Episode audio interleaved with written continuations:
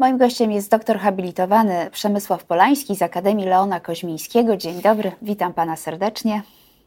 Dzień dobry, witam serdecznie.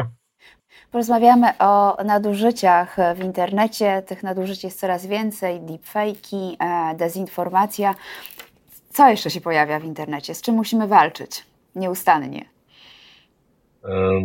Mamy do czynienia z nieustannymi problemami związanymi też z ochroną prywatności, e, z, na przykład z publikacją filmów zawierających jakieś intymne, tak można powiedzieć, nagrania tak łączące pary.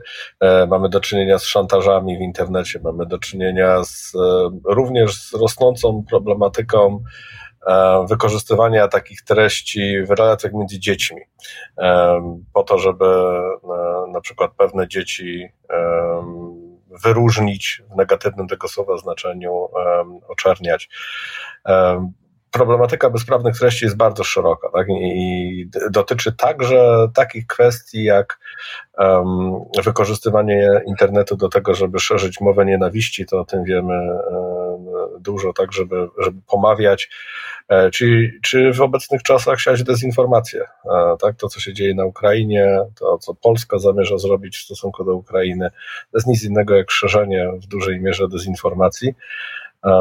A wiadomo, że E, media, w szczególności internet, odgrywają dzisiaj tak istotną rolę, że one w zasadniczej mierze, te media kształtują świadomość społeczną. Także rzeczywiście przed nami ogromne wyzwanie związane z poradzeniem sobie już takimi tradycyjnymi treściami, które pojawiają się w sieci, ale także z tym, o czym Pani już wspomniała, tak, deepfakes, czyli nowe wyzwanie, e, które się przed nami pojawia, a więc e, filmy czy, czy pliki audio przerobione przez sztuczną inteligencję e, w taki sposób, że zastępują realne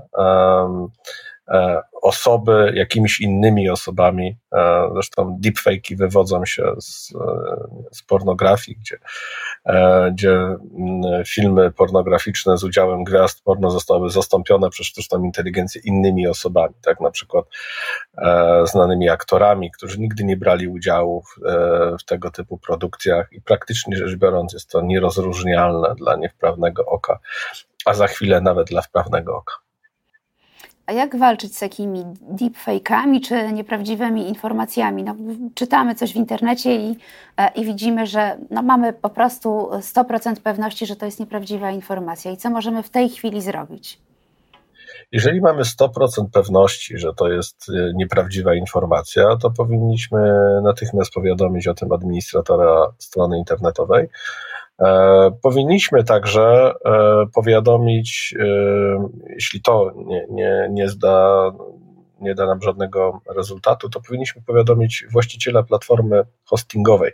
To już jest troszeczkę trudniejsze, bo musimy ustalić, jaki podmiot świadczący usługi hostingu przechowuje tą stronę internetową, która jest nieresponsywna, ale ten podmiot również powinien zareagować, tylko musi o tym wiedzieć. Tak? Obecny system prawny zakłada model, w którym e, my musimy, jako osoby poszkodowane, powiadomić administratora o tym, że on przechowuje bezprawne treści i ten administrator, jeżeli chce uniknąć odpowiedzialności prawnej, musi zareagować. Musi zareagować odpowiednio szybko.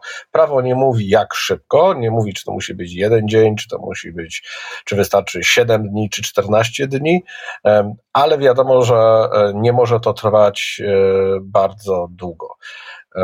Niestety y, najwięksi gracze wykorzystują e, pewien mechanizm, który został ustanowiony w prawie unijnym i, i on jest obecny w polskim prawie, to znaczy mm, ignorują zgłoszenia dokonane przez osoby prywatne i czekają na tak zwane urzędowe zawiadomienie.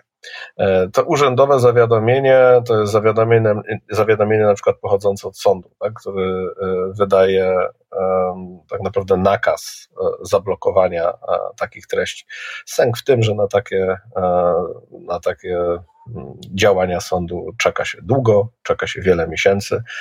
E, w Austrii była właśnie taka sprawa polityczki e, Partii Zielonych, e, na której profilu pojawiły się wpisy, które miały charakter mowy nienawiści. Ona wysyłała żądania do Facebooka, aby on usunął te treści. Facebook nie reagował i dopiero tak naprawdę na żądanie sądu austriackiego po wielu miesiącach, ponad pół roku, Facebook zablokował takie wpisy. No ale podobno jest. To, to zrobić. Mhm. Podobno jest szansa, że ta sytuacja się trochę zmieni e, za sprawą unijnego rozporządzenia, bo dostawcy internetowi mają posiadać takie zewnętrzne platformy do rozwiązywania sporów. Gdyby był Pan uprzejmy opowiedzieć naszym widzom, na czym te zmiany miałyby polegać? No, przed nami e, bardzo poważna zmiana, jeżeli chodzi o sposób funkcjonowania e, internetu, to znaczy tej przestrzeni wolności słowa w sieci. E, mianowicie na, na ostatnim etapie prac legislacyjnych znajduje się w tej chwili projekt rozporządzenia unijnego dotyczącego usług cyfrowych. Tak, nazwa sugeruje, że mamy tu do czynienia raczej z e-commerce'em, E, ale ta nazwa e, jest troszeczkę myląca. Mówimy tutaj tak naprawdę o regulacji wolności słowa e, w internecie. I rzeczywiście, o ile do tej pory Unia Europejska regulowała taką wolność słowa w czterech przepisach dyrektywy o handlu elektronicznym, to w tej chwili pojawia się akt, który liczy prawie 100 stron. I w związku z tym mówimy tutaj o ogromnym, no, ogromnej regulacji, bardzo bardzo złożonej, e, porównywalnej absolutnie z RODO, które wiadomo, że wywróciło nam e, sposób rozumienia e, ochrony danych osobowych w Polsce i w Unii Europejskiej. I to jest taki drugi potężny akt, właśnie akt na poziomie RODO, który przewiduje między innymi to, że mm, teraz nadal jednostki będą mogły zgłosić administratorowi strony internetowej, e, że on przechowuje bezprawne treści, ale teraz ten administrator będzie musiał ułatwić cały proces. Będzie musiał przygotować stosowne mm, formularze, które będą ułatwiać e, tego typu zgłoszenia. E, będzie musiał też sprawdzać, czy zgłaszający podał dokładny adres internetowy, gdzie znajduje się ten wpis.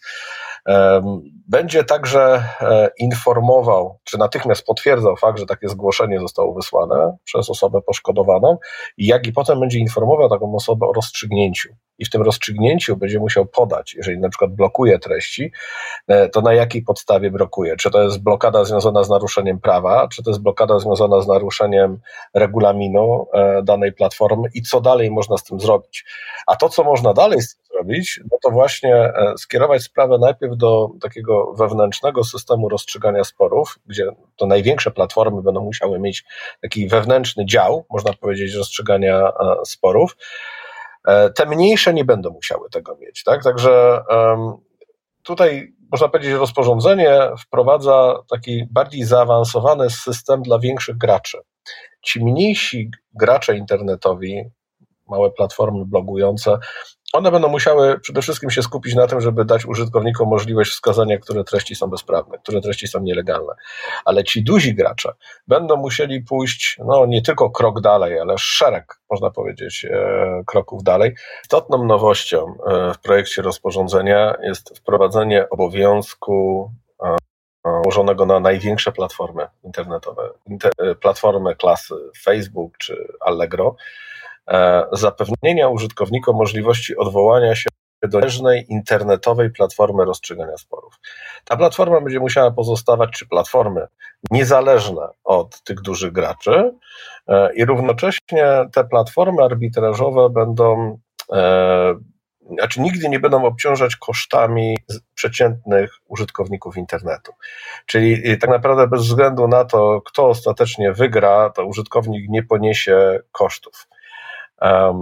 Projekt rozporządzenia przewiduje, że tak naprawdę te koszty będą musiały odpowiadać w jakiś sposób nakładowi pracy e, takiej platformy, ale nie mówią precyzyjnie, e, ile trzeba będzie zapłacić za rozpatrzenie takiego sporu. Na pewno będą to dużo mniejsze pieniądze niż w przypadku spraw sądowych, tak, które w Polsce nie dość, że są koszmarne. Musicie Państwo wiedzieć, że dzisiaj górna granica samego wpisowego, żeby sąd rozpatrzył sprawę w takich tych najdroższych, można powiedzieć, sprawach, to jest 5% y, wartości przedmiotu sporu, nie więcej niż 200 tysięcy złotych. Tak? Także proszę sobie wyobrazić e, poniesienia e, przed polskim sądem e, 200 tysięcy złotych, tylko z tego tytułu, że no, przedmiotu sporu to, e, to właśnie e, kwota, której 5% stanowi te 200 e, tysięcy. No, nie bardzo duże pieniądze. Nie każdego na to stać. No, bez wątpienia, e, bez wątpienia nie każdego, nawet jeżeli ktoś ma większe pieniądze, to i tak e, są to tak duże koszty, że jeżeli uwzględni się jeszcze to, że obecnie czeka się na pierwszą rozprawę, na przykład przed sądami warszawskimi, ponad rok, E, a być może za chwilę będą to dwa lata, tak? czyli od momentu wpłacenia pieniędzy e, do pierwszej rozprawy będziemy czekać dwa roku, dwa lata e, i potem nie wiadomo ile tych rozpraw będzie wyznaczonych e, jeszcze, tak, w jakich odstępach czasu, e, no to się okaże, że, że e, spór, e, który będzie trwał 5 czy 7 lat, będzie miał raptem, nie wiem, 7-10 rozpraw. Mhm. E, I tak naprawdę sprawiedliwość, która jest wymierzana po tak długim czasie, to już nie jest sprawiedliwość, tak? A proszę powiedzieć, e, od kiedy to nowe rozporządzenie może zacząć obowiązywać? To jest jakaś e, e, niezbyt odległa perspektywa czasu? Tak. Być może już w tym miesiącu zostanie to rozporządzenie przyjęte przez Unię Europejską i będzie prawdopodobnie 18-miesięczny okres vacatio legis. To że to rozporządzenie zacznie obowiązywać najprawdopodobniej od 1 e, stycznia 2004 roku. E, zobaczymy, czy tak się stanie. E, innymi słowy, platformy będą mieć półtora roku na przygotowanie się. Mhm. A kto ma pomóc platformom? A kto ma pomóc platformom, bo nam się powoli już kończy czas w rozwiązywaniu tych sporów z wykorzystaniem arbitrażu? Kto tu będzie angażowany? Tu będą musiały powstać nowe platformy, można powiedzieć, e, nowe ciała, które nie istnieją w tej chwili e, w cyberprzestrzeni. E, I to będą platformy, które być może też będą ze sobą rywalizować. W każdym razie one muszą być niezależne od tych dużych graczy. One będą finansowane w dużej mierze e, zapewne z tych środków, które będą pochodzić e, ze sporów między e, użytkownikami platform, czy między użytkownikiem a platformą. Być może będzie tutaj też państwo pomagać, czy Unia Europejska w rozwoju takich platform, bo żeby zachować niezależność, to jednak takie środki w mojej ocenie będą niezbędne. I ja uważam, że takie platformy,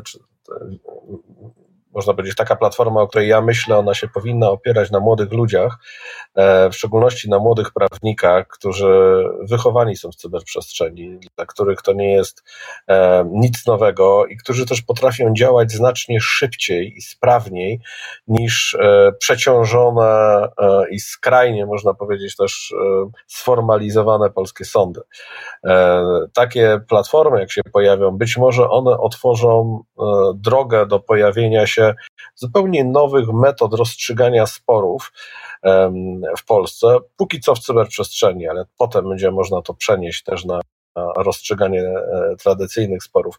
I być może to okaże się drogą wyjścia z impasu, e, jaką jest skrajnie powolne, skrajnie sformalizowane sądownictwo, które jeszcze w dodatku stosuje prawa, które się permanentnie zmieniają.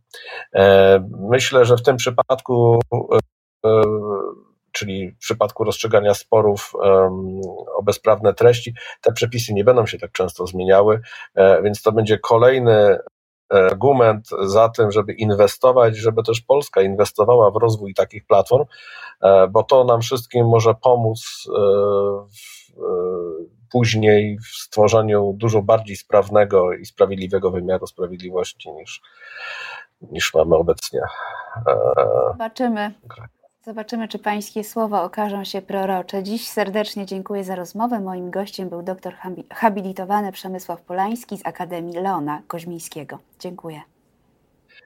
Za rozmowę. Kłaniam się.